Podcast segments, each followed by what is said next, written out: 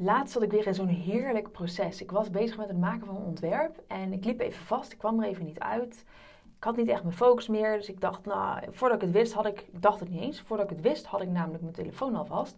En was ik een beetje doelloos op Instagram aan het scrollen. En uit frustratie misschien begon ik gewoon heel veel dingen te kijken. Gewoon heel veel stories van andere mensen, heel veel posts van andere mensen. En voordat ik het wist, was ik in een soort van mood waarvan ik tegen mezelf dacht, zei van, zie, ik zie wat anderen doen, zie je wel, anderen doen het beter. Um, ik, ik werd er echt onzeker van, ik kreeg er nog een huilbui bui van, die herken je vast ook wel. En dat is meteen eigenlijk het grote nadeel van perfectionisme. Dat is namelijk de negatieve manier waarop je tegen jezelf gaat praten. Ik voelde me daarna gewoon echt kut. Ik voelde me gewoon echt niet lekker. En ik heb eerst heb ik even een wandeling gemaakt voordat ik mezelf weer kon herpakken. En dat idee van ben ik wel goed genoeg? Zijn anderen niet beter? Ehm, dat je je druk maakt om wat je nog niet kunt. Dat je jezelf voorhoudt. Dat je die lat zo hoog legt. Dat je eigenlijk bijna moeite krijgt met presteren.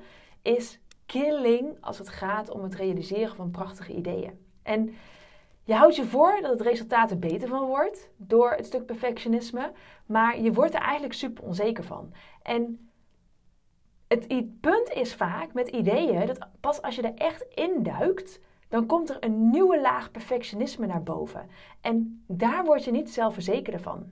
Ik had, laatst sprak ik met iemand die deelneemt aan maken van je passie werk. En die zei ook van ja, maar mijn portfolio is nog niet goed genoeg. Ik durf nog niet te posten. Er zijn zoveel mensen die beter zijn. En dat die twijfel van anderen kunnen het toch beter? Is er nog wel plek voor mij? Moet ik het nog wel doen? Ik ken die twijfel. Ik heb die twijfel zelf ook wel eens gehad. Maar ik zeg dan altijd: denk eens aan de schoenmerken. Er zijn zo gigantisch veel schoenmerken. En ieder jaar komen er nieuwe schoenmerken bij. En het wil niet zeggen dat die nieuwe merken geen recht van bestaan hebben. Integendeel, er zitten af en toe nog steeds grote klappers bij. Of grote successen moet ik dan zeggen bij. Die Ehm, echt die super populair worden. En het heeft alles te maken met mensen willen met jou werken. Mensen willen, kunnen, moeten zich kunnen identificeren met hetgeen dat jij aanbiedt. En daarom is er altijd ruimte voor meer. Daarom ben ik hartstikke blij dat er zoveel coaches op het moment zijn die mij kunnen helpen met mij verder laten groeien. Daarom ben ik zo blij dat er zoveel creatieven zijn die een schilderworkshop durven te maken, omdat de ene schilderworkshop is de andere niet. En bij de ene workshop krijg ik zo'n leuke enthousiasme en drive mee van iemand. En bij de andere workshop krijg ik bepaalde skills en technieken mee, waar ik ook weer enthousiast van word. En ik kies wat ik op dat moment nodig heb. Dus weet dat er altijd ruimte is voor meer. Laat jezelf niet tegenhouden door er zijn ook zoveel anderen. En dat stuk perfectionisme, dat houdt je vaak heel erg tegen. En ik vind het zelf bijvoorbeeld altijd best wel lastig ook om te horen als andere mensen. Ehm, als, als deelnemers van Maak van je passie werk denken van ja, moet ik dit wel posten? Moet ik dit wel doen? Want ik ben bang dat het resultaat niet goed is. Straks valt het resultaat tegen, is niet goed genoeg. En het is vooral dat ik het zelf, het resultaat dan niet goed genoeg vind. En dan zeg ik altijd, dat is echt mijn nummer één tip, als je dit bij jezelf denkt, omarm alsjeblieft dat het een iteratief proces is. Je mag iets proberen en het laten anders doen. Dat is oké. Haal die druk van jezelf af dat het in één keer perfect moet zijn. En ga daarbij kijken naar wat je al kunt. En daarvoor neem ik je even mee naar waar, hoe ik in, als 25-jarige gup voor een klas van zo'n 100 studenten in China stond. In één keer stond ik daar. En ik denk, fuck, wat heb ik gedaan? Ik sta hier, ik ben hartstikke blij dat ik hier sta. Maar nu heb ik 100 soort van afwachtende gezichtjes. Die school die heeft mij ingevlogen, gevlogen. Ik moet hier een mega presentatie gaan geven over een ontwerponderwerp dat ik wel beheers, maar waarvan ik in één keer ga twijfelen of ik het al goed genoeg kan.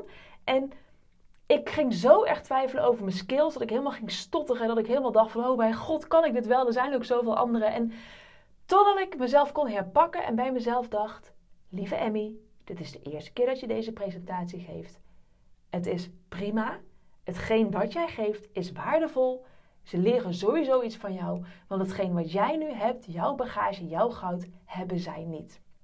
En dit is precies waar deze aflevering over gaat.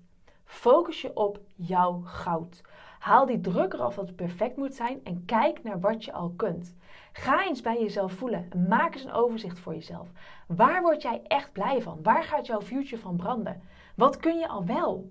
En als je twijfelt over bepaalde skills, ga dan kijken naar wat kun je al wel.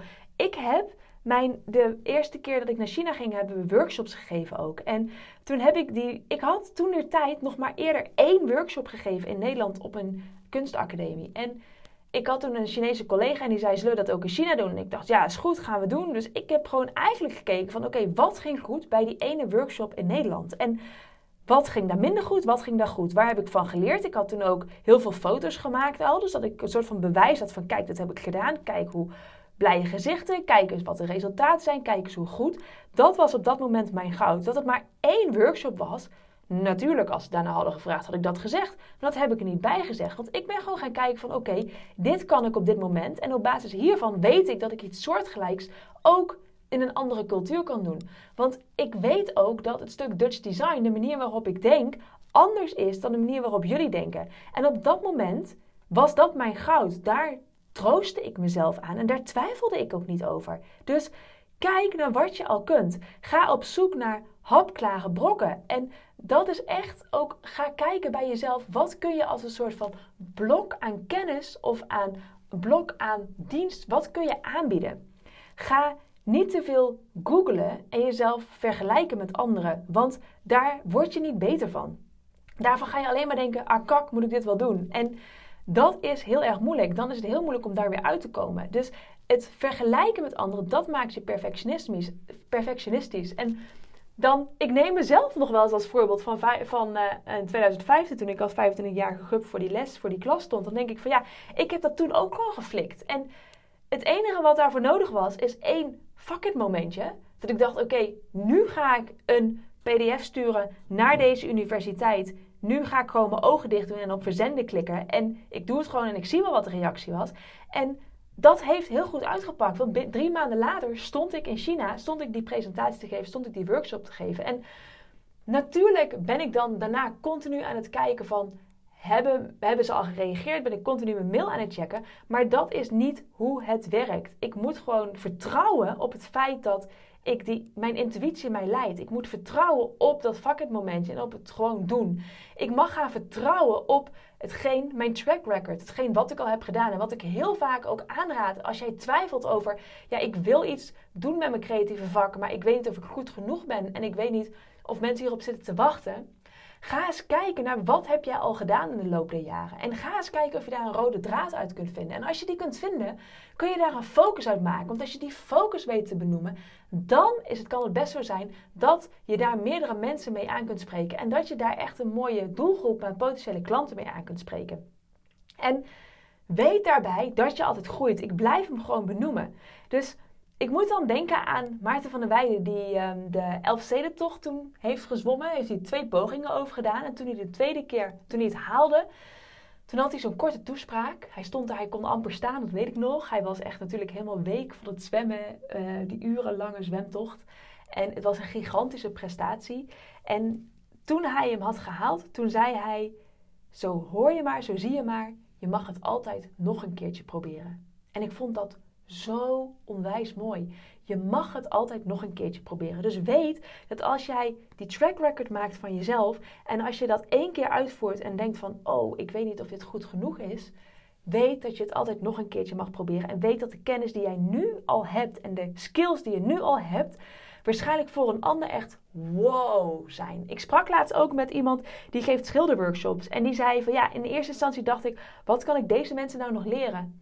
Maar toen ik daar zat en toen ik zag hoe ontzettend blij ze ervan werden dat ze gewoon iets op papier krijgen en dat ze eigenlijk nog nooit echt fatsoenlijk een penseel vast hadden gehad en geen idee hadden hoe ze, hoeveel water er bij de verf moest, zeg maar, kwam, kwam in één keer het inzicht dat hetgeen dat voor mij heel logisch is en heel automatisch is, is voor een ander heel waardevol.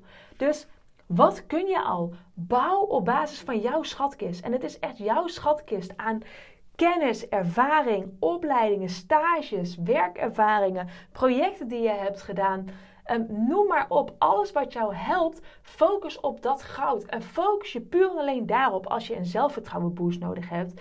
Want dat, dat gaat, je er ook, gaat ervoor zorgen dat je uit die perfectionisme durft te stappen. En dat je ook, ook al heb je het gevoel van oké, het is nog niet 100% perfect, dat het goed genoeg is. En goed genoeg heeft af en toe een beetje een negatieve connotatie, vind ik. Maar het is tegelijkertijd zoiets moois.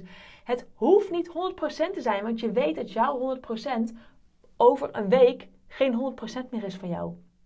Sterker nog, als ik mijn podcast terugluister, dan denk ik altijd: Oh, maar dat had ik ook nog wel kunnen zeggen. Oh, en dat voorbeeld had ik er nog bij moeten doen. En oh, dat kan nog concreter.